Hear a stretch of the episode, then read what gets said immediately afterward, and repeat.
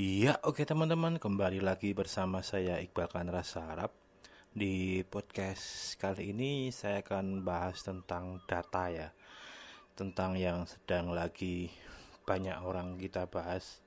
Banyak orang bahas yaitu tentang Kemendagri yang akan memberikan akses data ke 13 identitas ya termasuk ada fintech juga. Nah, ini buat saya lumayan lumayan menarik ya.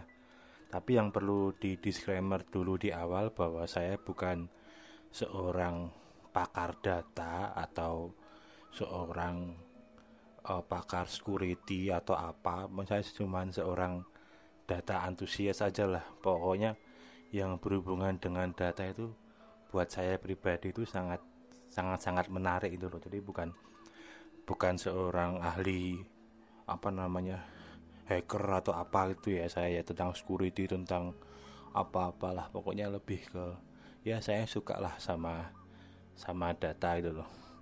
Nah kembali ke kasus ini ya sebenarnya ya bukan kasus sih sama topik ini ya. Buat saya sih yang harus harus orang bedakan ini kalau yang saya lihat di timeline dan beberapa orang yang yang tanya ke saya dan lain-lain.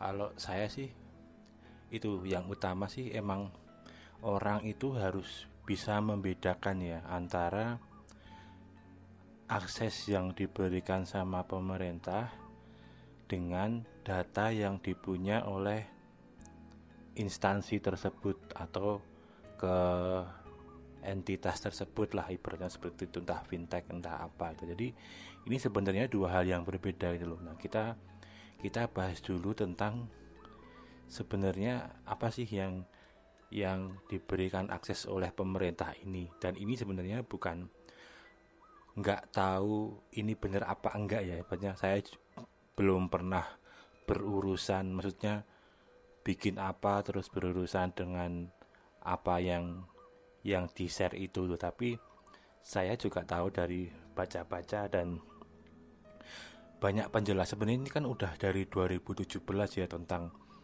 hal-hal kayak gini ya. Bahkan udah dari dulu lah masalahnya tentang akses yang diberikan oleh pemerintah ini.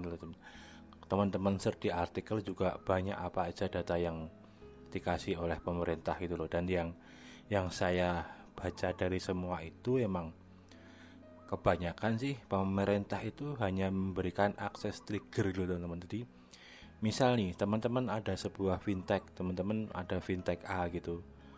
Teman-teman di situ kan melakukan KYC kan kenal user apa gitu ya C-nya itu customer lah kenal you customer atau apa gitu isi bahasa Inggrisnya itu. Pokoknya kan teman-teman di situ pasti secara default kan teman-teman pasti suruh ngisi NIK, suruh ngisi nomor HP, suruh ngisi alamat, suruh foto KTP. Pokoknya hal-hal yang berbau-bau seperti itulah. Nah, data itu kan yang nyimpen ya entitas atau instansi atau mungkin kalau dalam satu kasus fintech tersebut kan ibaratnya bukan pemerintah itu loh. Nah, pemerintah itu memberikan akses untuk memverifikasi itu jadi nanti data yang teman-teman isi itu misal teman-teman ngisi nomor NIK nih. Nah nomor NIK itu akan langsung pointing ke servernya pemerintah. Oh nomor nomor NIK ini bener ada. Misal sekali pointing dia dua trigger pakai NIK sama nama. Ketika dua itu dimasukkan dan dicek ke sana oh ini ternyata bener NIK ini bener oh namanya juga ini benar. Jadi sebenarnya bukan bukan data yang los-losan seperti yang banyak orang kira yang kayak kasus misal kayak yang pembobolan hack kemarin yang e-commerce hijau itu dan lain-lain. Jadi atau benar-benar data mentah uh, eh, KTP kita sebenarnya itu enggak teman-teman. Kalau saya ini juga yang saya baca-baca di itu ya sebenarnya ya. Saya juga mungkin analogi saya juga mengatakan seperti itu. Nggak mungkin lah data yang dikasih itu data benar-benar full. Wong juga beberapa kesempatan juga bilangnya hanya verified gitu loh. Verified kan cuman butuh trigger itu yang keluar output dari pemerintah itu atas request dari pihak yang bersangkutan itu memberikan nama dan dan memberikan salah satu field nama sama NIK dari teman-teman itu bahwa ini benar enggak gitu loh. Kalau ini benar ya berarti ada indikasi kan berarti benar valid data yang dia isi gitu loh. Jadi sebenarnya sebatas itu aja sih sebenarnya yang di yang dikasihkan sama pemerintah itu. Dan itu kalau saya baca-baca lagi bahwa tingkat lapisan trigger yang dikasih itu setiap entitas itu juga berbeda-beda entitas atau instansi itu juga berbeda-beda. Misal seperti kalau fintech atau apa ini misal loh ya saya juga nggak tahu aslinya yang dikasih triggernya apa. Tapi misal nih fintech itu cuma butuh NIK sama nama aja untuk verify. Jadi NIK ini sama nama ini ketika di pointing ke sana apakah benar juga gitu loh. Oh verify ternyata emang datanya sama sama yang di pemerintah gitu yang di Kemendagri atau data yang di Dukcapil itu ya udah cuman itu aja tapi mungkin kayak instansi lain bahkan instansi pemerintah kayak yang hubungannya sama pertahanan atau apa entah itu ninu-ninu yang minta atau apa mungkin field yang dikasihkan itu trigger yang dikasihkan itu bisa lengkap bisa sekali request bisa nama, NIK, alamat atau apa di pointing ke sana. Oh, verified namanya ini bener. Oh, nama apa namanya? Uh, NIK-nya ini bener, alamatnya ini bener. Mungkin sampai ke sidik jarinya dicocokkan sama yang ada di sana. Ini juga bener, tanda tangannya juga ini bener. Jadi kayak gitu teman-teman, bukan bukan data yang bener-bener kosongan bisa ngakses database dari sana terus ngeset itu enggak teman-teman kalau yang saya sependek yang saya tahu sih enggak gitu teman-teman. Jadi karena juga saya beberapa kali kan bukan beberapa kali sih dua kali kalau nggak salah itu beberapa tahun yang lalu itu kan sempat bikin bikin KTP gitu loh ibaratnya bikin KTP bikin akun bank. Nah kebetulan saat itu kan rame terus posisi saya duduk itu berdekatan dengan customer tellernya itu kan yang ngisi dan kebetulan juga laptop apa namanya dia ngetik layar monitor itu saya bisa nginjen gitu loh sebenarnya. Nah sebenarnya itu ketika dia ngisi di form dia itu nama kita yang di kertas terus dia kan ngetik kan itu. Nah NIK apa? Nah dia itu kayak ada proses buat ngecek gitu loh. Oh centang centang saya nggak tahu itu sekarang berubah atau enggak yang dulu yang saya ingat-ingat tuh sebenarnya seperti itu. Oh namanya langsung di mungkin dia langsung posisi centang itu keluar mungkin ketika langsung connect ke data ke data Kemendagri itu gitu loh kemungkinan loh ya saya juga itu buat saya kemungkinan seperti itu.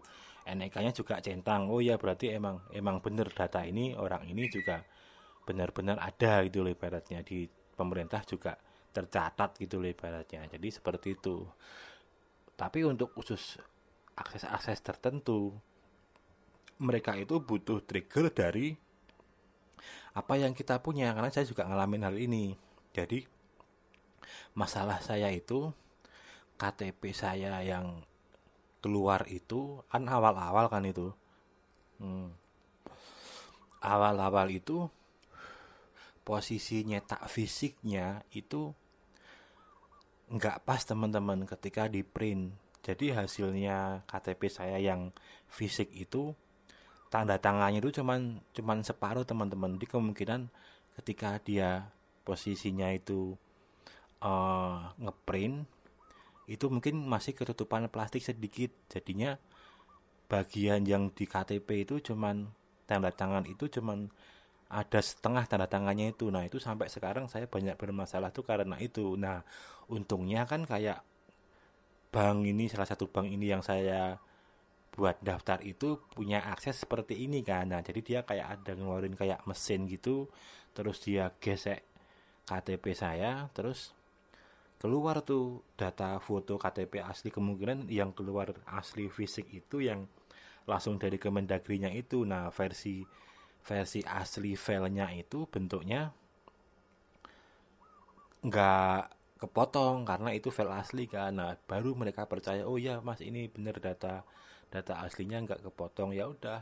Buat saya juga berfungsi kalau nggak ada itu buat verifikasi seperti itu juga sangat susah susah untuk mastiin bahwa aku nipu apa enggak gitu loh. Ternyata kan dapat di verify bahwa itu beneran tuh. Dan untuk mengakses itu sih saya kira entah itu mesinnya yang buat gesek kayak mesin EDC gitulah tapi ada monitor itu kan juga kemungkinan udah dirancang buat itu dan dan itu juga hanya bisa keluar datanya atau apa setelah digesek seperti itu. Jadi emang dan mungkin CET itu saat itu juga tellernya harus minta ke ke yang orang yang ada di belakang banknya itu lo nggak tahu itu atasannya tellernya atau apa yang buat ngisi passwordnya itu akhirnya baru bisa keluar di layar fotonya itu. Jadi kan sebenarnya ada tingkatannya juga di ting di tingkat mereka sendiri untuk mengakses itu sebenarnya buat saya sih fair fair aja sih. Dan itu sebenarnya di luar pun juga mereka melakukan seperti itu. Bank-bank luar atau apa gitu juga melakukan seperti itu. Sampai yang kalau mereka dapat klien atau dapat customer user itu dari luar negara itu kenapa? Jarang yang kayak minta pajak dari negara itu. Misalnya kayak PayPal atau apa itu kan. Tapi kalau kamu orang orang US asli juga mereka verifiednya sampai segitunya gitu loh. Tapi kenapa mereka yang di luar negara itu nggak sampai pointing ke Mendagri dan lain-lain? Ya karena mungkin secara undang-undang hukum atau apa juga mereka kan nggak ada kantor di sini. Mereka bukan bukan mungkin bukan startup sini atau gimana. Jadi kan nggak bisa itu. Tapi kan dengan KYC mereka foto paspor kita KTP kita foto kita nah itu bisa sedikit membuat mereka percaya bahwa itu kita gitu loh.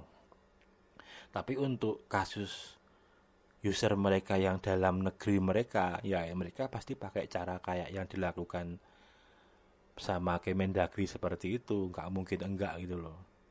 Nah, yang kedua yang harus teman-teman tahu tuh bahwa data yang disimpan oleh oleh identitas itu KYC-nya itu itu sebenarnya lain urusan dengan data yang buat verified dari pemerintah yang data KTP di pemerintah gitu loh. Jadi kalau misal nih ada sebuah fintech atau marketplace yang mereka marketplace-nya itu udah ada KYC-nya kita harus foto harus apa foto KTP dan lain-lain tapi tapi apa namanya situs itu bobol terus semua datanya mereka hack, hackernya bisa mengakses dan lain-lain bisa di dam dan lain-lain. Sebenarnya kan data yang mereka ambil itu bukan data dari pemerintah itu tapi data KYJ teman-teman itu itu loh. Sebenarnya sih kalau buat saya ya ya efek efek dari semua data bisa ketika ke hack atau apa bisa bobol dana ini di luar pemerintah loh ya. Itu ya karena sebenarnya kadang KYC-nya itu emang terlalu spesifik gitu loh teman-teman. Jadi buat saya juga sebenarnya agak horor juga tapi mereka juga butuh itu untuk menunjang bahwa mereka nggak mau juga tertipu dan lain-lain. Jadi mereka emang butuh butuh data itu gitu loh. Jadi buat saya juga fair-fair aja sih sebenarnya.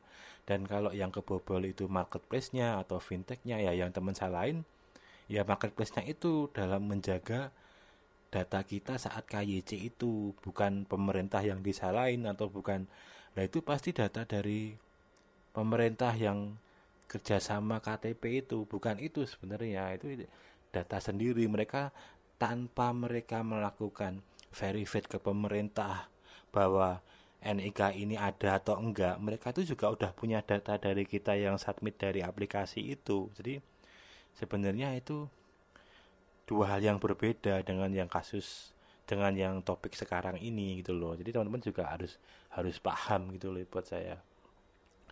Yang yang paling yang paling horor kalau saya ya mana ya, itu sebenarnya jangan jangan takut dengan hal yang kayak KTP yang kita di pemerintah itu bobol atau gimana gitu loh buat saya kecuali emang kasusnya itu ya ini di luar yang tak ngomongin ini. Kalau emang kayak situs KPU bobol situs Dukcapil bobol nah itu lain cerita dengan dengan kasus yang fintech ini data yang dikasihkan fintech ini gimana gitu beda kasus. Yang kalau itu teman-teman bisa nyalain pemerintah karena data kita bobol bisa orang ambil tapi untuk untuk kasus yang untuk topik yang masalah kerjasama dengan beberapa agensi atau instansi atau apa ini kan sebenarnya hanya data untuk verified aja dan itu hanya sebatas informasi valid atau nggak valid bener atau nggak bener NIK ini atau nama ini sama dengan yang di yang ada di Dukcapil atau yang ada di Kemendut itu. Jadi bukan bukan utuh data yang dikasih itu gitu loh. Kembali lagi ke masalah yang horor itu sebenarnya orang itu kenapa ya nggak tahu itu untuk kasus ini itu seolah takut dengan hal ini dan gimana. Padahal ya ketika teman-teman dengan tidak sadar atau bahkan dengan sadar secara secara mental secara apa itu teman-teman ngelakuin KYC ke suatu fintech, suatu instansi apa pun, suatu aplikasi data apa pun, aplikasi jasa apa pun, teman-teman dengan sadar dulu moto KTP, moto apa buat verifikasi sebenarnya kan teman-teman kalau mau lebih tricky lagi harus membaca FAQ mereka kan ibaratnya bahwa bagaimana bentuk tanggung jawab mereka atas data itu. Data itu akan dibagikan ke pihak kedua enggak. Data itu digunakan untuk apa? Nah sebenarnya hal seperti itu yang teman-teman itu harus kritis gitu loh bukan bukan yang menurut saya loh ya ini saya bukan meremehkan atau apa bukan cuman data yang KTP yang hanya ecek-ecek itu. Kalau menurut saya sih ya karena buat saya data yang ada di KTP itu sebenarnya adalah itu cuman data mentah aja sebenarnya. Yang paling riskan dan bisa orang itu ngulik sampai unlimited apa pun bahkan itu nanti sampai kita mati mereka bisa bisa menarget kita itu ya data KYC sama data apa pun yang ada di entah itu fintech entah itu entah itu aplikasi apa pun yang mereka membutuhkan itu gitu loh. Ya kalau cuman nama jenis kelamin alamat apa itu kan sebenarnya value-nya juga buat saya sih saya bukan bilang nggak ada ya tapi lebih tinggi value data yang ada di fintech itu dulu di instansi atau perusahaan yang mau kerjasama itu saya kira sih lebih gede mereka nilai value datanya itu. Karena jelas mereka bahkan menyimpan data kita transaksi. Bahkan mereka tahu HP kita apa.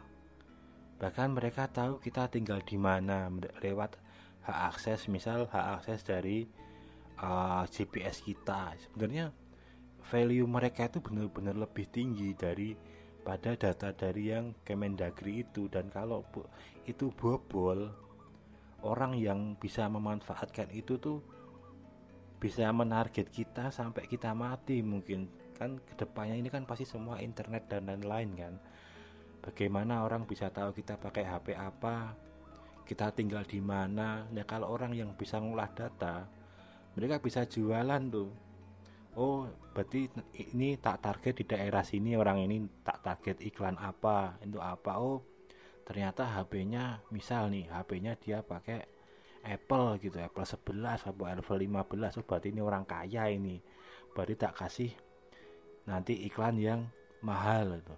Apalagi kalau data yang diambil itu data kita yang lebih dari dua tahun dan itu kemungkinan besar nantinya akan menjadi data valid yang menunjukkan diri kita selama separuh hidup ini walaupun cuma dua tahun dan itu nantinya akan selama tahun ke depannya sampai kita mati mungkin juga akan seperti itu gitu loh. Itu juga bisa menjadi filter data transaksi dia. Ternyata banyak. Oh ternyata dia punya saldo uang segini dan lain-lain. Itu kan sebenarnya kalau itu sampai bobol kan itu lebih berbahaya gitu teman-teman daripada cuman sebatas data KTP yang cuman NIK cuman apa. Ini saya bukan gampang kayak atau apa ya tapi kalau kalau saya bacanya sebagai orang yang yang ya yang antusias sama data dan lain-lain sebenarnya nilai value data yang dikeluarkan sama yang dipunya sama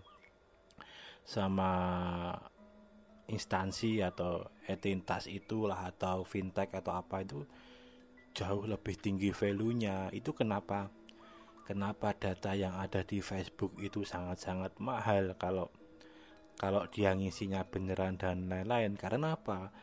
Di Facebook itu data itu yang yang dipakai itu benar-benar data mateng loh. Kalau itu memang data benar itu kita namanya siapa? Kita tinggal di mana? Kita lahir di mana? Kita suka apa? Kita itu lahir tahun berapa terus kita sekolah di mana? Kita punya teman siapa?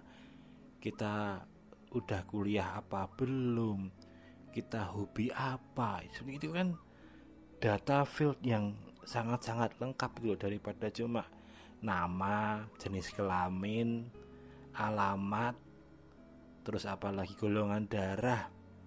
Gitu-gitu kan sebenarnya enggak enggak terlalu itu, tapi bayangin kalau yang bobol itu data rumah sakit. Mereka tahu kita punya riwayat sakit apa, mereka punya alamat kita, mereka punya apa, dan apakah teman-teman juga sekritis itu ketika mengisikan data di rumah sakit?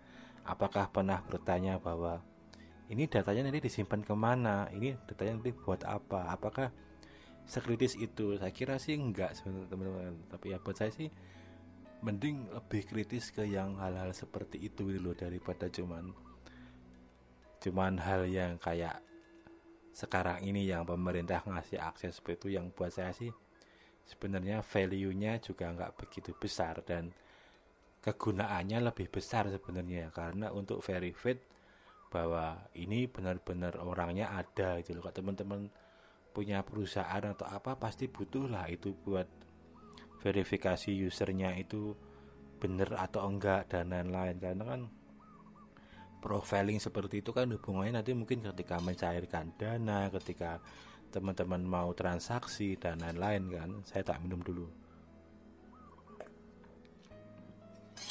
Jadi kayak gitu teman-teman. Kalau kalau pendapat saya gitu loh. Jadi buat saya sih kalau teman-teman mau mau takut atau apa ya takutlah ke yang hal, -hal seperti itu gitu loh. Tapi kalau takutnya masih sebatas yang masalah KTP ini dan lain-lain sih buat saya kalau saya pribadi memang saya ketawain sih berarti emang emang mungkin ngulik datanya itu kurang kurang dalam jadi buat saya oh, mungkin ini orang yang nggak paham data. Jadi saya nggak nggak mau membodohkan orang itu tapi mencoba memahami aja itu loh saya seperti itu.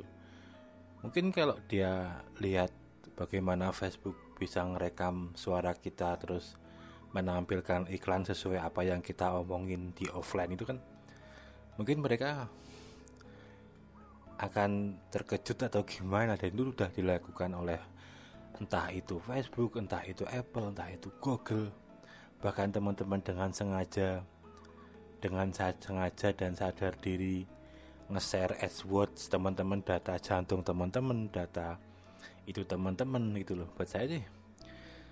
Konyol gitu loh buat saya terus kayak gitu nanti kalau ada orang yang bisa ngumpulin data sebanyak itu terus berbicara tentang hal yang lebih krusial lagi dianggap orang itu nggak berkompeten. Itu kalau teman-teman mau nyambung ke podcast saya bahwa kenapa orang melarang Bill Gates ngomongin tentang kesehatan itu loh. Buat saya ya relate ke situ juga ibaratnya. Dia udah punya data-data tentang kesehatan seseorang.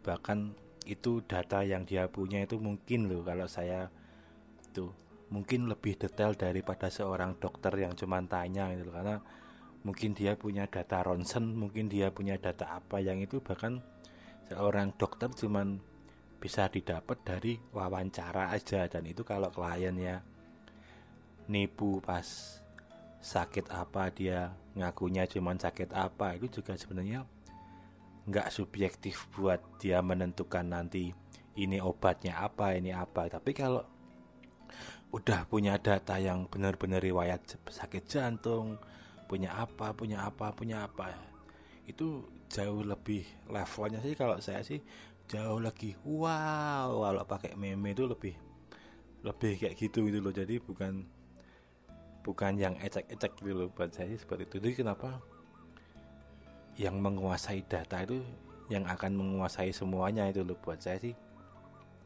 kurang lebih seperti itu. Karena mereka bisa memplanning memplanning buat ke depan dari data yang ke belak dari data yang ke belakang itu ibaratnya karena udah bener-bener yang didapat itu real strategi ke depan itu tinggal hanya pakai data itu gitu loh. Tapi kalau cuman NIK, KK dan lain-lain ya buat saya sih nggak nggak kurang begitu itu sih ibaratnya. Dan teman-teman wah itu kan jadi itu jadi fintech yang pinjol bisa jadi ngontak-ngontak kita lah. Gimana nggak bisa ngontak teman-teman install aplikasi pinjol. Aplikasi pinjol itu harus mengelola akses kontak harus mengelola akses lasen teman-teman SMS teman-teman WA teman-teman call. Jadi mereka itu tahu data yang belum lama teman-teman kontak itu siapa yang di WA sering sama sering teman-teman kontak itu siapa teman-teman punya teman siapa aja disedot semua sama dia gimana dia nggak bisa tahu. Jadi bukan bukan dari datanya data apa namanya fintech ada datanya Kemendagri yang men-trigger itu ya dari teman-teman sendiri yang ngasih datanya itu sebenarnya seperti itu. Tanpa nih saya bilang ya orang yang mainan riba-riba seperti itulah ibaratnya pinjol-pinjol seperti itu. Itu sebenarnya tanpa melakukan verified ke pemerintah itu mereka pasti udah pasti percaya. Karena sebenarnya mereka itu udah ngambil data teman-teman dari aplikasi itu sebenarnya. Ngerekod semuanya dan lain-lain. Jadi sebenarnya mereka itu tanpa tanpa verified ke pemerintah itu udah udah pasti bisa gitu. Tapi kan nggak nggak semua identitas atau mungkin fintech atau apa kan bisa seperti itu. Karena sebenarnya itu juga cara menurut saya sih agak cara-cara gelap ya buat buat dia tahu semua kontak kita dan lain-lain itu loh. Bahkan aplikasi-aplikasi kayak pinjam pinjol seperti itu ya karena mereka nggak mau nggak mau ber koordinasi dengan pemerintah untuk verify data dan lain-lain di Cina sendiri mereka itu dimusuhi sama pemerintah dicari-cari. Makanya kan banyak yang perusahaan-perusahaan seperti itu larinya ke Asia yang lain buat bikin-bikin pinjol-pinjol seperti itu. Karena tingkat balik duitnya sama keuntungan profit dari bunga yang mereka dapatkan sama fraud dari mungkin user yang nggak bayar itu mungkin mereka udah punya hitungan bahwa perbandingannya itu lebih besar yang dua itu lebih besar yang yang untung dari bunga sama yang mungkin orang yang nggak bayar atau apa. Sekarang kalau kita pinjam 5 sejuta dikasihnya cuma 750 cairnya tapi kita harus bayar satu setengah. Sebenarnya kan bunganya hampir 50 berapa itu? 60% lebih. Kita cuma dapat 750 tapi uh, itunya satu setengah juta yang harus kita bayar. Itu belum nanti kalau teman-teman telat setiap harinya bisa dendanya 50 ribu kan? Sebenarnya seperti itu. Jadi yang yang yang teman-teman harus perlu takutin tuh data-data yang seperti itu gitu loh. Kalau masih takutnya sebatas data yang kayak gitu kalau yang Kemendagri kayak gitu ini nih buat saya sih. Berarti emang teman-teman tingkat pengetahuan atau mungkin dolan atau membahasnya tentang data masih belum dalam lagi. Ya, sekarang gimana? Orang cuma dikasih 200 ribu. 200 ribu itu lomba bayi sehat upload foto foto anak gitu. Terus verifikasi syarat pendaftaran DM nomor KTP foto apa itu aja banyak yang ikut. Itu cuma hadiahnya 200 ribu. Dan orang ngelakuin submit foto KTP foto anak foto apa itu dengan sadar gitu buat saya itu kan juga sebenarnya konyol tapi ketika ketika ada hal seperti ini yang sebenarnya itu termasuk biasa kalau di negara-negara lain itu dianggap wah ini pemerintah jual data. Aduh buat saya itu aneh gitu loh. Ya mungkin kayak gitu sih tanggap saya tentang uh, topik yang baru hangat-hangatnya beberapa hari ini sih. Ya mungkin nggak semua yang saya omongin bisa ada yang teman-teman bener atau enggak ya. Kalau saya sih yang penting saya cuman berpendapat seperti itulah kurang lebih seperti itu yang saya sampaikan di podcast kali ini. Semoga bermanfaat buat teman-teman semuanya. Selamat pagi siang sore buat teman-teman semua. Salam olahraga.